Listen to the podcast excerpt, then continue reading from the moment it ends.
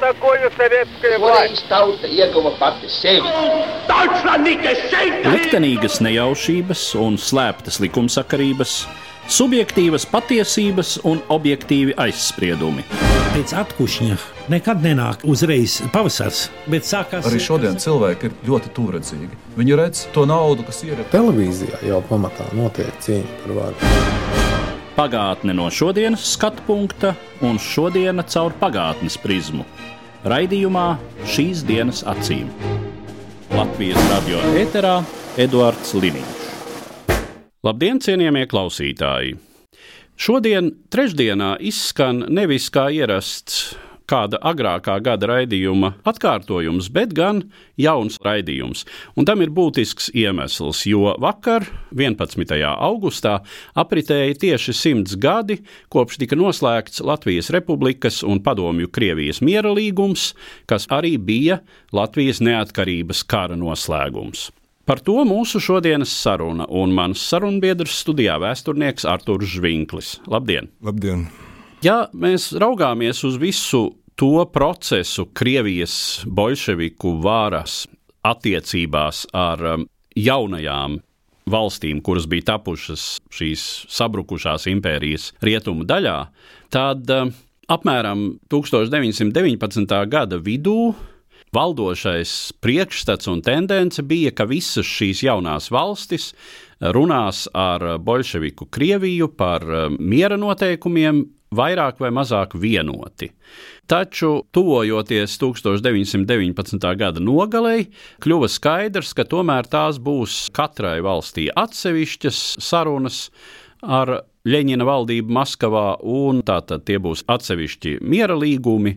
Kāds bija iemesls tam, ka šīs valstis nebloķējās savā starpā?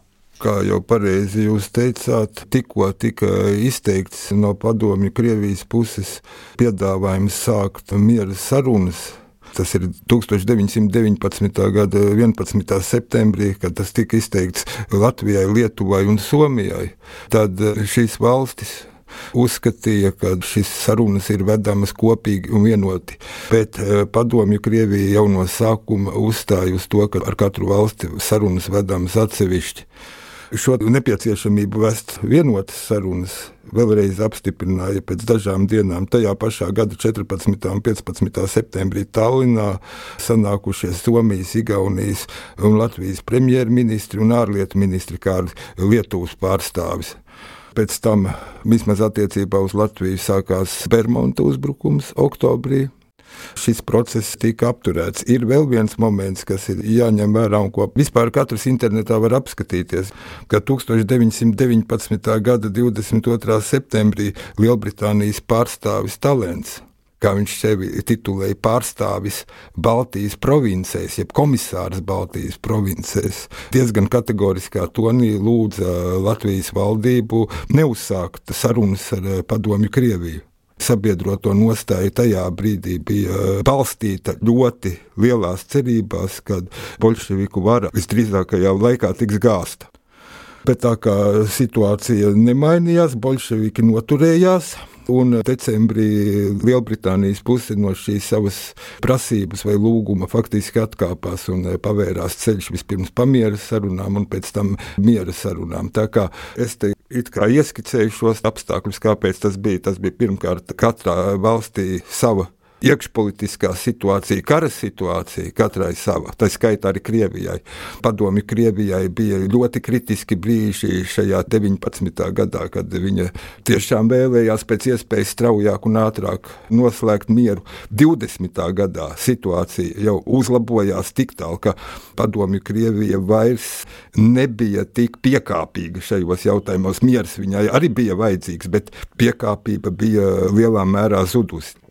Turklāt jāatceras pats būtiskākais, ko mēs reizēm tā šodien, ņemot vērā mūsu nevisai labās attiecības ar Krieviju, aizmirstam, ka padomju Krievijas valdība faktiski bija vienīgā vara Krievijā tajā brīdī, kas izteica gatavību runāt par mieru un agri vai vēlu atzīt Baltijas valstu neatkarību.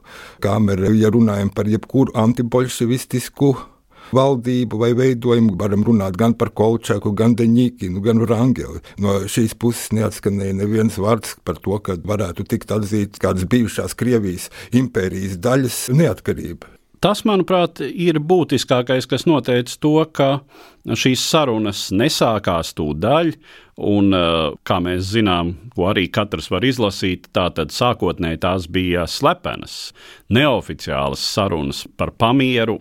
Latvijas delegācijai tur ierodoties ar eh, sarkanā krusta misijas statusu, kam gan, protams, nebija nekāda īpaša sakara ar sarkanā krusta kā organizācijas eh, raksturu un mērķiem.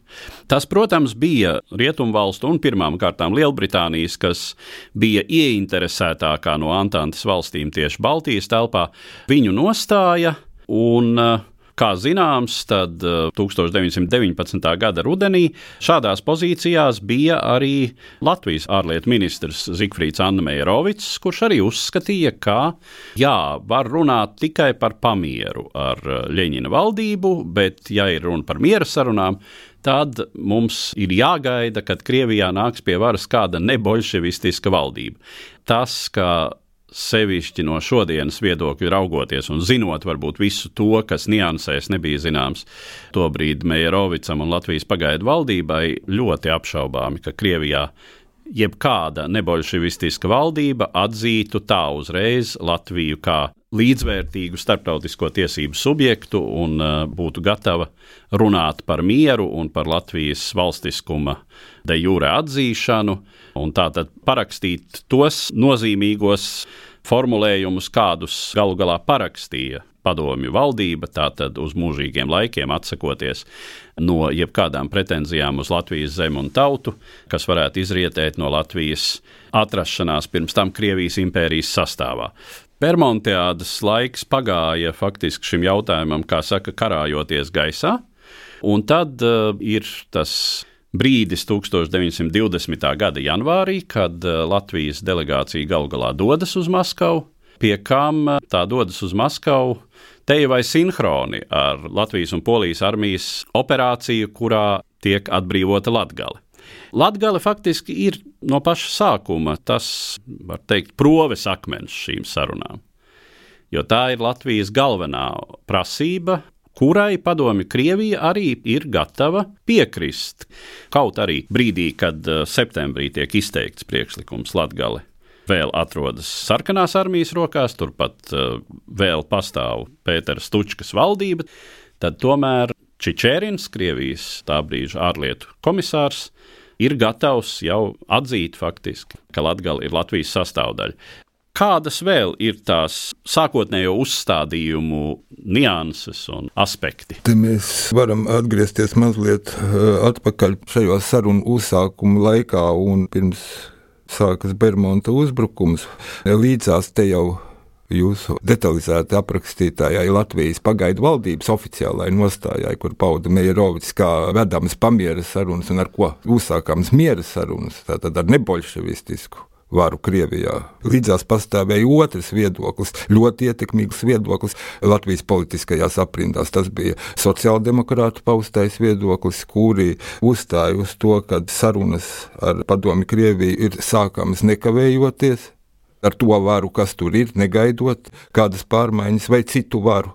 Nosacījumi sekojošie - obligāta Latvijas de jure atzīšana no padomi Krievijas puses, Stučkas valdības atlaišana, Latvijas eh, atzīšana par Latvijas republikas sastāvdaļu. Tieši šīs bija tās galvenās prasības, ko pauda sociāldemokrātija, uzstājot uz to, ka sarunas būtu jāsāk nekavējoties.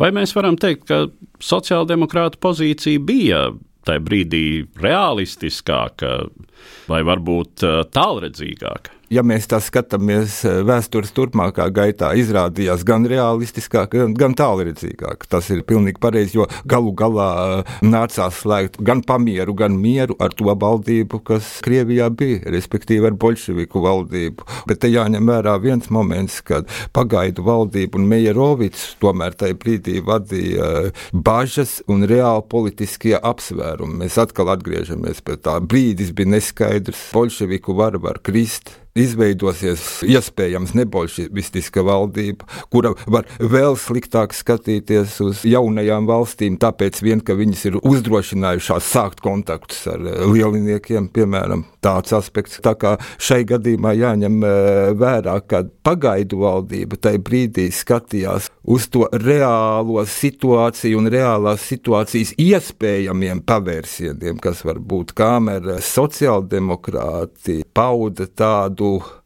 nostāju, kas izrādījās vērsta vairāk nākamībā un e, mazāk skarot šos faktiskos, reālos momentus tā brīža, vai iedomātos momentus, jo te jāņem vērā, ka cerības, kad Krievijā izveidosies e, nebolševistiska valdība, izrādījās iedomāts moments.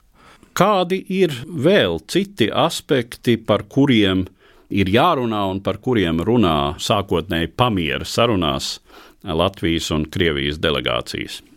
Šeit eh, galvenais, protams, bija jautājums par teritorijām, līdz kurām bija tajā brīdī aizgājis te jau pieminēto militāro operāciju rezultātā Latvijas karaspēks. Un eh, šīs teritorijas uz 1. februāra eh, pamiera stāšanās spēkā brīdi faktiski bija plašākas nekā vēlāk, e, jau slēdzot miera līgumu, jo pēc miera līguma noslēgšanas Latvijas armijai bija jādod pavēle atkāpties no tām teritorijām, kurās šis karaspēks ir ienācis. Tā kā pamiera brīdī Latvijas iespējamie teritoriālie ieguvumi vadoties pēc principa, cik tālu aiziet armija tajā brīdī. Varēja būt lielāki. Nu, Tāds, nedaudz lielāki. Nedaudz, nedaudz lielāki, bet viņi varēja būt lielāki. Bet mainījās militārā situācija 20. gada pirmā pusē, kad sarkanā armija varēja pāriet pretuzbrukumā, karā ar Poliju, sākt gūt panākumus, un tad, protams, pozīcija stipri mainījās. Negluži precīzi izdevās nospraust šo robežu arī pēc eh, etnogrāfiskā principa daļa teritorijas, kur diezgan daudz latviešu tautības iedzīvotāji palika tomēr padomju Krievijas sastāvā, kamēr abrēnas apriņķi ar pārsvarā Krievijas iedzīvotāju sastāvu nonāca Latvijas teritorijā. Tad vēl šajās sarunās, protams, figurē saimnieciski, ekonomiski aspekti. Tos arī nevar nošķirt eh, no vispārējās politiskās un arī militārā konflikta pagātnes, proti, vai Krievijai, Latvijai ir kaut kas jāatlīdzina, jākompensē. Pirmkārt, par to, ka ir bijis šis iebrukums Latvijas teritorijā 1918. gada nogalē, ka ir notikusi visu laiku šī kara darbība. Bez tam arī par to Latvijā līdz Pirmajam pasaules karam bijušo mantu, materiālajām vērtībām. Pirmkārt, mēs te acīm redzot runājam par rūpnīcu iekārtām, kas tika evakuētas Pirmā pasaules kara laikā, dažādām citām materiālām vērtībām, kas varētu būt mācību iestāžu, dažādu pašvaldības, valsts iestāžu inventārs, aprīkojums un tā tālāk, kas viss faktiski sevišķi no kurzemes tika uz Krieviju aizvests, un uh, tur arī atradās laikā, kad risinājās šīs miera sarunas. Kā tiek risināti šie jautājumi un kāda te ir vienas un otras puses nostāja? Sākotnēji jau miera līguma sarunu gaitā Krievija, ņemot vērā tās panākumus karā ar Poliju, ļoti strikti nostājās pret to, ka viņa varētu kompensēt Latvijai kādus kara zaudējumus. Šī prasība tika noraidīta nekavējoties, un, protams, attiecīgi pēc tam iekļauta miera līgumā, kā abas puses nesat šādus kara radītos zaudējumus šādā veidā. Jā, jo šāda zaudējuma sekšana, kas faktiski ir reparācijas. Tieši tā. Tāda jau parasti notiek no karu zaudējušās puses, slēdzot miera līgumus, un Krievija sevi šajā gadījumā par karu zaudējušo pusi neuzskatīja. Tieši tā. Te ir zīmīgi, ka, ja mēs tieši par to runājam, tad, ja salīdzina nedaudz agrāk notikušas notikumus, Tad, kad padomju Krievija sevi atzina par zaudējušu faktiski Brestas līguma slēgšanā, tad no padomju Krievijas Vācija saņēma pēc Arveda Švābes ziņām 121 miljonu zelta rubļu. Latvijas materiālo vērtību zaudējumi Pirmā pasaules kara laikā tiek lēsti uz 1 miljardu 281 miljonu zelta rubļiem. Milzīga, grandioza summa, jo tiešām Latvija šajos kara gados bija izpostīta pamatīgi. Bet pilnīgi pareizi līgums, gan pamieris, gan miera līgums tika slēgts no pozīcijām, kad divas karojošās puses pārtrauc savā starpā kara darbību, un e, šeit nav zaudētāju un nav uzvarētāju. Tā tad arī nav reparācija šādā veidā. Bet, e, raugoties uz līguma gala variantu, tad tomēr Latvija saņēma zināmu summu, tie ir 4 miljoni zelta rubļu. Par ko tad Krievija bija gatava Latvijai kaut ko maksāt? Kā bija teikts līgumā, tad Krievija bija gatava atlīdzināt kaut kādā mērā Latvijas zaudētās materiālās vērtības, kuras bija izvestas un kuras acīm redzot neizdosies atgriezt. Jo pamata pozīcija padomju Krievijai šai brīdī bija tāda ļoti daudzos aspektos. Jā, mēs jums labprāt atdotu visu ko toreiz cariskā Krievija evakuēja no Latvijas, bet diemžēl mēs nevaram atrast. Ko mēs varam izdarīt? Mēs varam kaut kādu kompensāciju par to iedot. Un jāpiebilst, ka tas nebija gluži nepatiesība, kā šajos apstākļos, kara totāli arī izpostītajā Krievijā, tas būtu smags loģistisks uzdevums. Šīs iekārtas kaut kādā veidā meklēt, un demontēt un sūtīt atpakaļ. Tā nebija tīra muļķa laišana. Nē, tā nebija. Nekādā gadījumā tā nebija. Lai gan jāsaka, ka ir tie stāsti par to, ka vēl 50. vai 60. gados kādas Latvijas rūpniecības darbinieku delegācijas viesojoties, piemēram, Donbasā, radniecīgos uzņēmumos, pēkšņi tur ir konstatējušas, ka vēl joprojām funkcionē un ražošanā tiek izmantotas iekārtas, kuras nepārprotami kādreiz ir spriežot pēc attiecīgā marķējuma atradušās kādā no lielajām Krievijas impērijas laika Rīgas rūpnīcām. Te jāsaka, ka bija gan tā, gan tā. Jo nevar izslēgt arī to, ka daļa uz šī iegansta tika neatgriezta, un e, daļu, protams, tai brīdī nevarēja atrast. Tad atsevišķi ļoti būtisks jautājums bija par kultūras vērtību, arhīvu, muzeju kolekciju, gleznu kolekciju atgriešanu atpakaļ Latvijai. Padomi Krievija apņēmās to visu izdarīt uz sava rēķina. Turklāt vēl paredzot arī iespēju, ka tikt atgriezti Latvijai arī muzeja mākslas vērtības, kuras bijušas izvestas no Latvijas teritorijas, respektīvi no Baltijas guberņām, pat pirms pasaules kara sākuma. Bet ar vienu nosacījumu - tikai tādā gadījumā, ja šī atgriešana smagi neskārtu pašas Krievijas arhīvu, dokumentu kolekcijas, muzeju kolekcijas, gleznu galerijas. Atgriezts, varam teikt, tika stipri daļēji. Runājot par uh, krietni būtiskāku aspektu, tie ir cilvēki. Tie ir tobrīd pat vēl simti tūkstoši latviešu, kuri joprojām atrodas Krievijas teritorijā, nonākuši tur kā evakuētie, kā bēgļi, kā latviešu strēlnieki kā tiek risināts bēgļu atgriešanās jautājums? Bēgļu atgriešanās jautājumu risināt sāka jau pat pirms miera līguma oficiālas parakstīšanas, vēl 12. jūnijā kad tika parakstīts līgums par bēgļu repatriāciju. Runa bija par vairāk nekā 200 tūkstošiem, kaut kur aptuveni 230 vai 250 tūkstošiem kara bēgļu, vairākiem tūkstošiem karavīru, tālāk par kara gūstekņu apmaiņu, plus, kas attiecās uz tā saucējiem politiskajiem noziedzniekiem, kurus pretējā puse sagūstījusi. Un tur ieslodzījumā, tad arī šis jautājums bija jāatrisina un puses apņēmās amnestēt visus tos nodarījumus, kas veikti pret otro pusi tajā brīdī, līdz šī līguma parakstīšanai. Un ar šī politisko ieslodzīto apmaiņas sākās regulāri šādā veidā. Tika pēc tam jau izveidotas attiecīgi latgalē šīs bēgļu karantīnas, pārbaudes bija vai neienāk lielinieciski elementi, vai neienāk cilvēki, kas saistīti ar, ar padomju struktūrām. Tika prasīti galvenieki, ļoti daudzi cilvēki atradās diezgan ilgi šajās karantīnās. Vienkārši kamera sagaidīja kādu, kas par viņu galvo, ka tas ir godīgs cilvēks un var tikt ielaists Latvijā. Šodien mums tas vārds karantīna vairāk asociējas ar slimībām. Toreiz, protams, tas arī bija ļoti aktuāli, jo te var pat piebilst, kāpēc aizkavējās kaut vai eh, Latvijas un Padomju Krievijas eh, miera līguma sarunas. Viņas sākās, kā zināms, 16. jūnijā Maskavā, kad ieradās tur Latvijas pilnvarotie pārstāvji. Bet viņas nācās drīz vien pārtraukt, jo Latvijas delegācijas smagi skāra, piemēram, tīvs kāpēc arī miera sarunas galu galā tika pārceltas uz Rīgu, un pēdējo mēnesi notika jau Latvijas galvaspilsētā, un šeit arī tika parakstīts miera līgums. Vēl atgriežoties pie jautājuma par robežām, nu, mēs jau pieskārāmies tam, ka no Latvijas armijas ieņemto pozīciju viedokļa robežas varētu būt mazliet tālāk uz austrumiem. Latvijas armijas štāba priekšnieks, piemēram, Pēters Radziņš, uzstāja, ka būtu jāmēģina veidot robežu, kas būtu teiksim, militāri ērtāk aizstāvama, un tā būtu apmēram tā, kuru Latvijas armija arī bija ieņēmusi.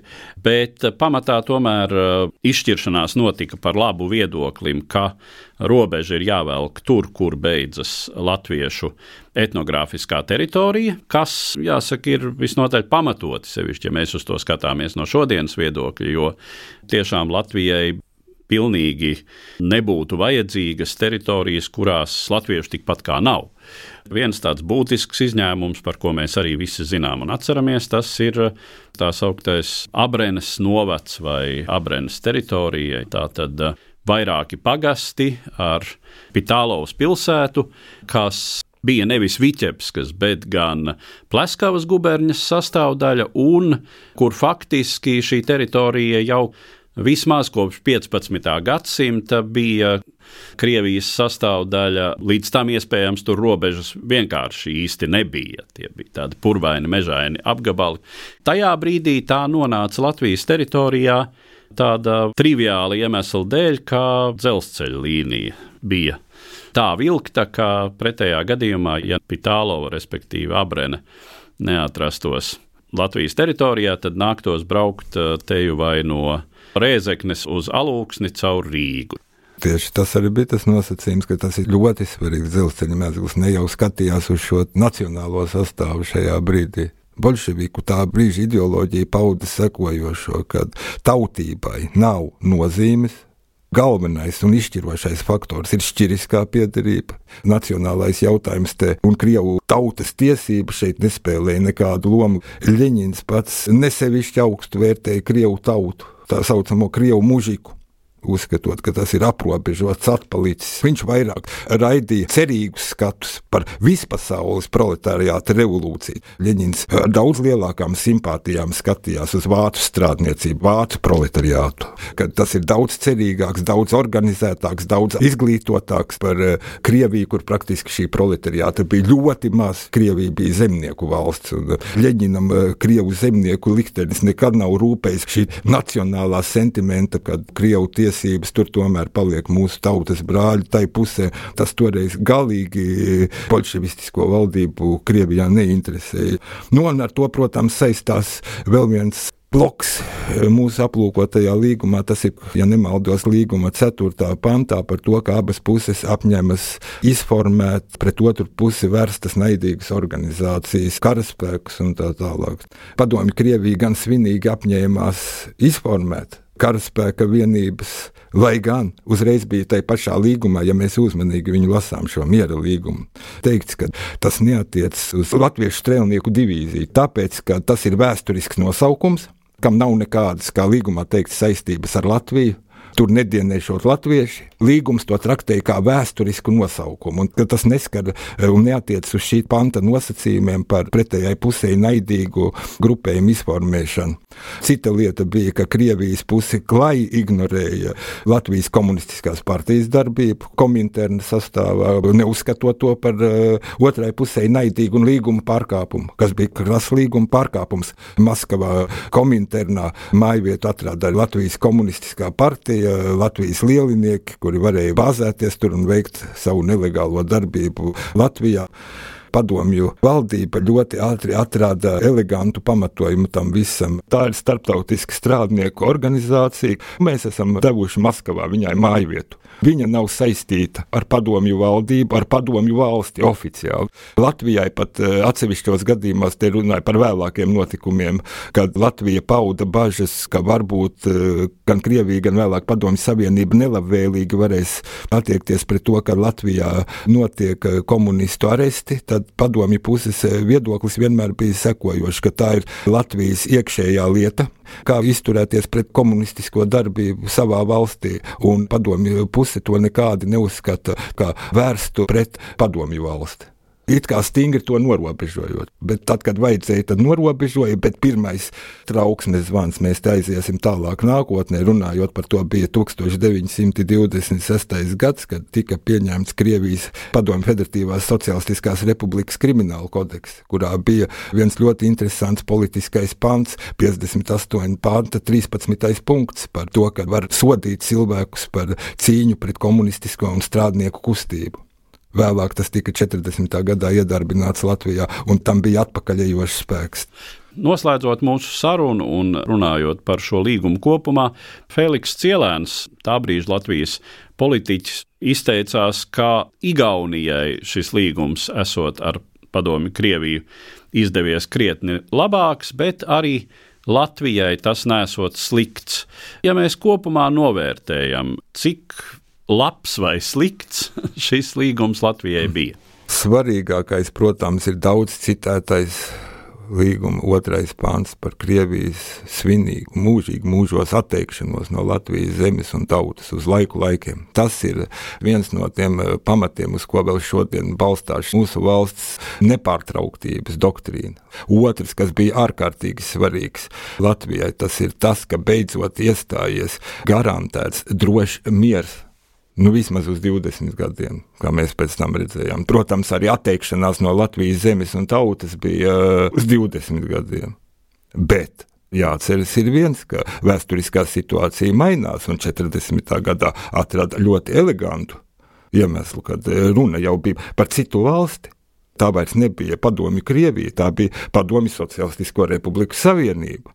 Latvijā tika atrasti cilvēki, kuri bija gatavi organizēt iestāšanos šajā jaunajā valstu savienībā. Viss izskatījās ļoti skaisti. Bet līgums, es vēlreiz saku, bija ārkārtīgi svarīgs un nozīmīgs. Tajā brīdī, jā, viņš, protams, varēja būt labāks, varēja būt arī sliktāks, bet būtiskākais tiešām ir šis otrais pants. Bija arī atgūtas saimnieciskās vērtības, bija gan šie 4 miljoni zelta rubļu, gan vairāk kā 100 lokomotīvas, 211 pasažieru un 1657 preču vagoni tika atgūti no Krievijas, 6 jūras tvaikoņi, materiālās vērtības. Te ir runa par rūpnīcu iekārtām un citāda veida izvestajām materiālajām vērtībām. Atgūtā kopsumma bija apmēram 10 miljonu zelta rubļu, plus klātiem 4 miljoniem rubļu kompensācija. Bet būtiskākie, protams, bija un paliekošie šie politiskie iegūmi Latvijai. Tie savu aktualitāti aizvien nav zaudējuši un cerams nezaudēs nekad. Protams, ir vēl viena mācība tā ir tas, ka ne Baltijas valstis, nerunāsim par plašāku valstu spektru, jo Meijerovics idejās bija, ka jāveido kopēja politika plašā reģionā, ieskaitot Baltiju, ieskaitot Somiju, ieskaitot Poliju, ja var, tad nekas tāds nepiepildās, un mēs varam šodien lasīt, piemēram, par to, ka atzīmēt Latvijas un Padomju Krievijas miera līguma simto gada dienu, ir ieradusies virkne valstu ārlietu ministri, bet viņu vidū nav piemēram Lietuvas ārlietu ministri.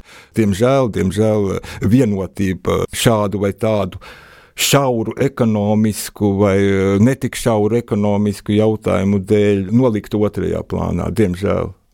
Bet tas jau ir pavisam cits stāsts, un uh, kopumā mēs paliekam pie tā secinājuma, ka tas bija ļoti nozīmīgs stūrakmens.